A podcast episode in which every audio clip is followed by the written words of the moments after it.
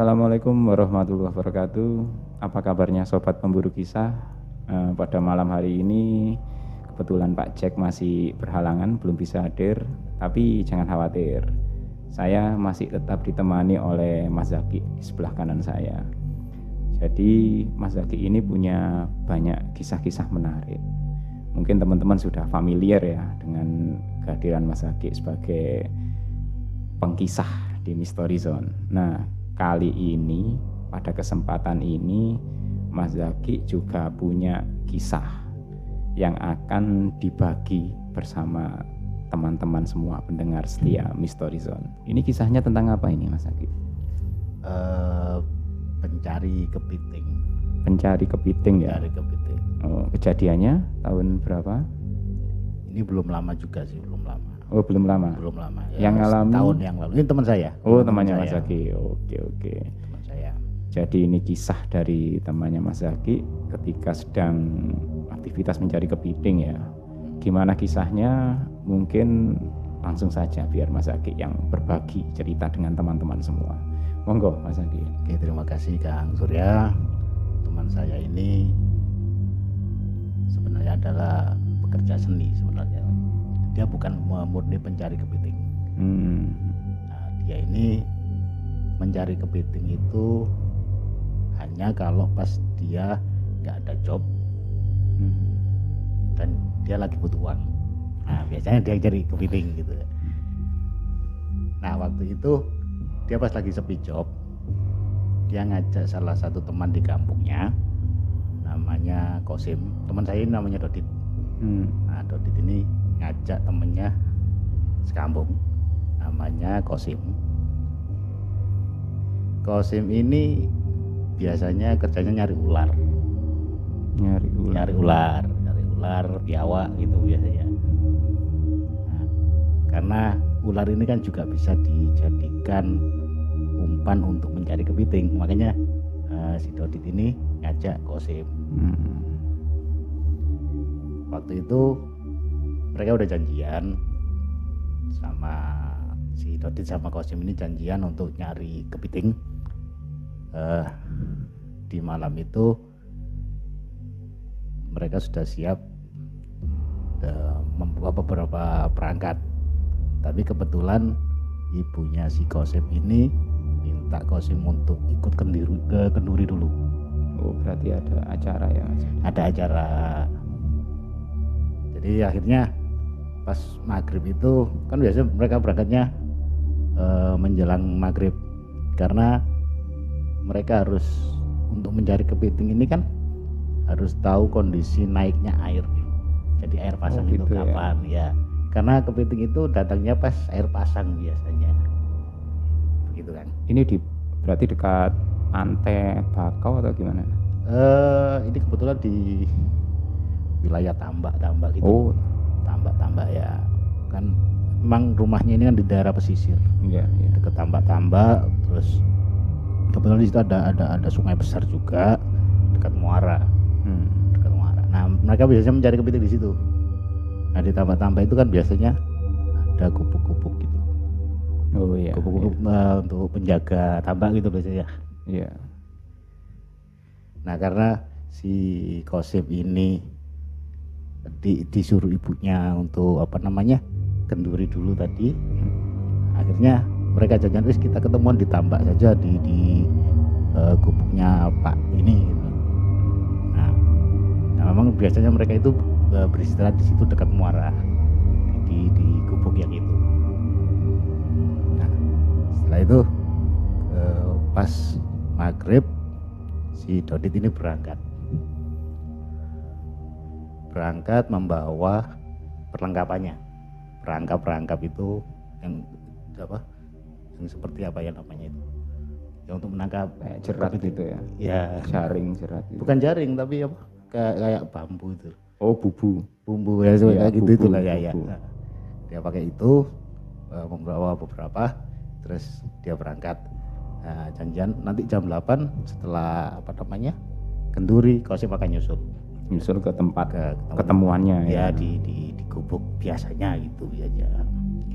Nah setelah itu Mas Dodit ini berangkat menuju gubuk sambil menunggu Mas Kosim uh, Mas Dodit ini memasang umpan-umpan yang uh, dipakai di perangkapnya itu hmm. nanti supaya kalau Mas Kosimnya datang uh, tinggal meletakkan perangkap-perangkapnya itu nanti di, di, di posisi-posisi yang memungkinkan ada kepiting sambil melihat uh, debit airnya. Sambil nunggu kapan naiknya. Ini kan biasanya uh, waktu itu perkiraan jam 8 atau jam 9 sudah naik gitu kan. Jadi masang perangkap itu sebelum air naik. Jadi pas air naik kepitingan datang. Ya masuk masuk perangkap. ya dia masuk sambil datangnya air itu nanti kalau air turun uh, kalau ya. ke, sudah masuk kan nggak bisa keluar ini kan ya. nah, seperti itu jadi pas sudah mendekati jam 8 sudah waktunya uh, Mas Kosimnya datang ini tiba-tiba di belakang ah, gubuk itu ada suara kayak orang menangis ceritanya seperti itu hmm. jadi harus seperti ada orang yang menangis perempuan. Lirih sih nggak nggak terlalu nggak terlalu keras namanya. Hmm. di nangisnya lirih tapi eh, apa nangisnya itu seperti sesenggukan gitu loh. Hmm. nah si Dodit ini mengira oh ini Kosim yang ngerjain nah, makanya dia tidak mempedulikan masa bodoh ya masa bodoh ya. Awas nanti tak kerjain balik. Nah ini kan biasanya memang Dodit sama Kosim ini uh, suka bercanda memang. Hmm. kadang malah sangat kelewatan kalau bercandanya biasanya. Nah kebetulan itu sudah jam 8 ya sudah waktunya Mas Kosim datang kok ada suara itu. Nah, jadi mengiranya si Dodit ini mengira Kosim yang mengerjai setelah itu dia mendiamkan. Itu terusan suara suara nangis itu terus. Sampai tiba-tiba ada dari kejauhan itu motor datang. Jadi kan kalau motor ditambah itu kan kelihatan lampu. Oh iya mendekat. sorot lampu. ya sorot lampu itu kan mendekat. Setelah dekat dia nggak parkir di, di, di gubuk yang itu tapi parkirnya di gubuk sebelahnya. Ya berjarak sekitar 50 meter lah di sana ada gubuk saya diparkir di situ kemudian dia nyalakan senter jalan. Jalan menuju gubuk yang itu. Nah pas udah nyampe di dekatnya gubuknya yang tempatnya istirahatnya Mas Dodi tadi ternyata ini adalah Kosim. Baru datang. Baru datang. Nah akhirnya di benaknya Dodi dia kan kaget. Tadi itu siapa yang nangis dia menengok ke belakang sudah nggak ada. Nggak ada suara nggak ada apa-apa. Di center nggak ada apa-apa. Ya wis kita langsung aja berangkat. Kan e, perangkap tadi kan sudah diisi sama umpan. Hmm. tinggal masang-masang tinggal masang-masang aja. Jadi selanjutnya dia mau turun ke air ke, ke sungai. Sungai yang besar itu yang dekat muara itu. E, ternyata airnya sudah mulai ya es kita cepet-cepet pasang aja lah. Cepet. Jadi biar cepat kita bagi dua. Kamu yang ke utara saya yang ke selatan. Jadi yang Dodit yang ke selatan arah balik ke gubuk tadi hmm. kostumnya arah ke muara. Jadi bagi tugas. bagi tugas seperti itu ya. Setelah selesai keduanya si Dodit ini beristirahat di samping sungai. Dia duduk nyalakan rokok pas nyalakan rokok kok kelihatannya ada yang mengawasi gitu. ada yang melihat di sekitar jadi ini siapa ini? Dia menoleh ke kiri ke kanan kok. Nggak ada orang nggak ada siapa pun. Akhirnya dia memberanikan diri menoleh ke belakang. Pas di belakang itu dia melihat di pohon yang dekat dengan gubuknya dia tadi Hmm. Nah, ada sesosok berbalut kain putih tergantung di pohon. Menggantung, menggantung. awalnya sih uh, mengarah melihat uh, ke arah sebaliknya dari mengunggungin gitu hmm. mengunggungin Mas Dodit uh, awalnya tidak mengira kalau itu uh, sosok yang apa penampakan atau apa ya dia mengiranya ini mungkin rel plastik bekas bibit yang digantung ya, digantung gitu. ya. Nah, awalnya sih seperti itu. Tapi lama kelamaan kok dia menoleh. Akhirnya senter itu begitu dinyalakan diarahkan ke sosok itu. Si sosok itu menoleh juga. Nah saat itulah Mas Doditnya kaget. Dia berlari. Berarti itu memang pocong beneran beneran pocong. Tapi yang repot dia kan nggak bisa lari ke belakang karena itu sungai. Kali kan. Hmm. akhirnya dia lari itu melewati bawahnya sosok itu. Sambil hmm. menoleh ke atas. Senternya gitu di, diarahkan ke tetap ke sosok itu. Dia lari. Mencari Mas Kosim tadi. Hmm. Nah ternyata Mas Kosimnya lagi istirahat di pondok sebelah yang tempatnya parkir tadi. Hmm, iya iya. Nah sesampai di pondoknya Mas Kosim tadi, sudah itu kan sambil terengah-engah. Hmm.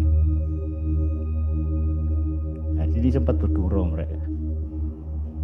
Balas katanya. Oh. Balas. Balasnya.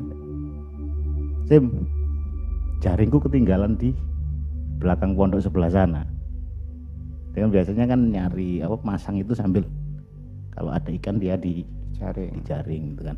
Jaringku ketinggalan di sana. Tolong don tadi saya waktu di sana ada ular besar makanya aku lari ke sini. Hmm. nggak hmm. berani aku. Oh gitu. Nah kebetulan si Mas Kosim ini kan sukanya nyari, nyari ular. ular. Akhirnya dia ke sana dicari ularnya itu ternyata nggak ketemu ya cuman akhirnya dia kembali dengan membawa jaring. Jaringnya itu dibawa sesampai di pondok tadi. Mas Kosim kan bilang oh pada ada ular gitu kok? Sambil tertawa Mas Duditnya ngomong enggak tadi itu sebenarnya aku dihantui apa deh? Ada pocong di belakang pondok tergantung di pohon yang eh, belakangnya pondok itu. Pohonnya nggak terlalu besar sih tapi tinggi lumayan hmm. tinggi lah. Dia tergantung di sana. Makanya aku lari. Bukannya aku lihat ular tadi sebenarnya. Aku lihat pocong. Wah hmm. dia langsung dipukul pakai jaringnya hmm. biasa bergurau kan. Berarti Mas Kosimnya enggak ngelihat ya Maksudnya nggak lihat. Eh, tapi setelah itu, setelah dia uh, Mas Dodit ini dihantui, biasanya kan kalau uh, sekali mencari apa, mencari kepiting, okay. hmm. ya biasanya dia cuma dapat ya paling kalau dijual itu sekitar 300 lah 200 hmm. 300 ribu dibagi dua sama Mas Kosim. Nah hari itu dia dapatnya lebih banyak. Bisa tiga kali lipat katanya. Hmm. bahkan bahkan jualnya itu sampai sejuta lebih katanya. Iya. begitu ceritanya iya. jadi mungkin apa ya biasanya sih memang benar juga yang disampaikan Mas Aki ya. Kadang-kadang kapan hari itu dapat cerita juga penjual nasi penjual apa gitu. Setelah ditakuti itu biasanya ya ya mungkin ada efeknya ya mereka juga rezekinya bertambah. Tapi ya nggak semua sih. Iya. kadang itu hanya kadang-kadang saja. Jadi itu tadi kisah dari Mas Dodit ya. Mas Dodit. Mas Dodit ya. Ya, ya mungkin buat teman-teman semua mungkin ya ada kalanya aktivitas mencari ikan atau mencari apa uh, kepiting dan lain sebagainya dilakukan di malam hari. Memang resikonya ya ada sajalah. Langkah baiknya perbanyak doa dan betul, juga betul, mungkin betul. kebiasaan Mas Dodit dan Mas Kosim bercanda ya boleh-boleh saja tapi ada kalanya nggak mungkin dikurangi ya karena khawatir ya, kelewatan yang seperti itu kadang iya. ya menjerumuskan teman juga ini betul uh, jadi mungkin itu terima kasih Mas Zaki atas kisahnya pada malam hari ini. Jadi mungkin bisa memberi warna lain bagi teman-teman yang mendengarkan. Ya mungkin terima kasih juga buat Mas Doditnya sudah berbagi kisah berbagi ya. kisah ya. Kan saya cuma me menyampaikan ini kan menyampaikan uh, kisahnya dia gitu kan. Membagikan kisahnya Membagikan ya. kisahnya dia. Karena dia dia sendiri nggak mau mau disuruh cerita nggak mau. Jadi saya aku yang yang nyampaikan gitu kan. Oke oke. Oke sahabat pemburu kisah, jangan lupa untuk like, subscribe dan juga tinggalkan komentar di bawah ya. Dan terus ikuti kami karena akan banyak kisah-kisah menarik lainnya. Oke, terima kasih. Assalamualaikum warahmatullahi wabarakatuh. Bye bye.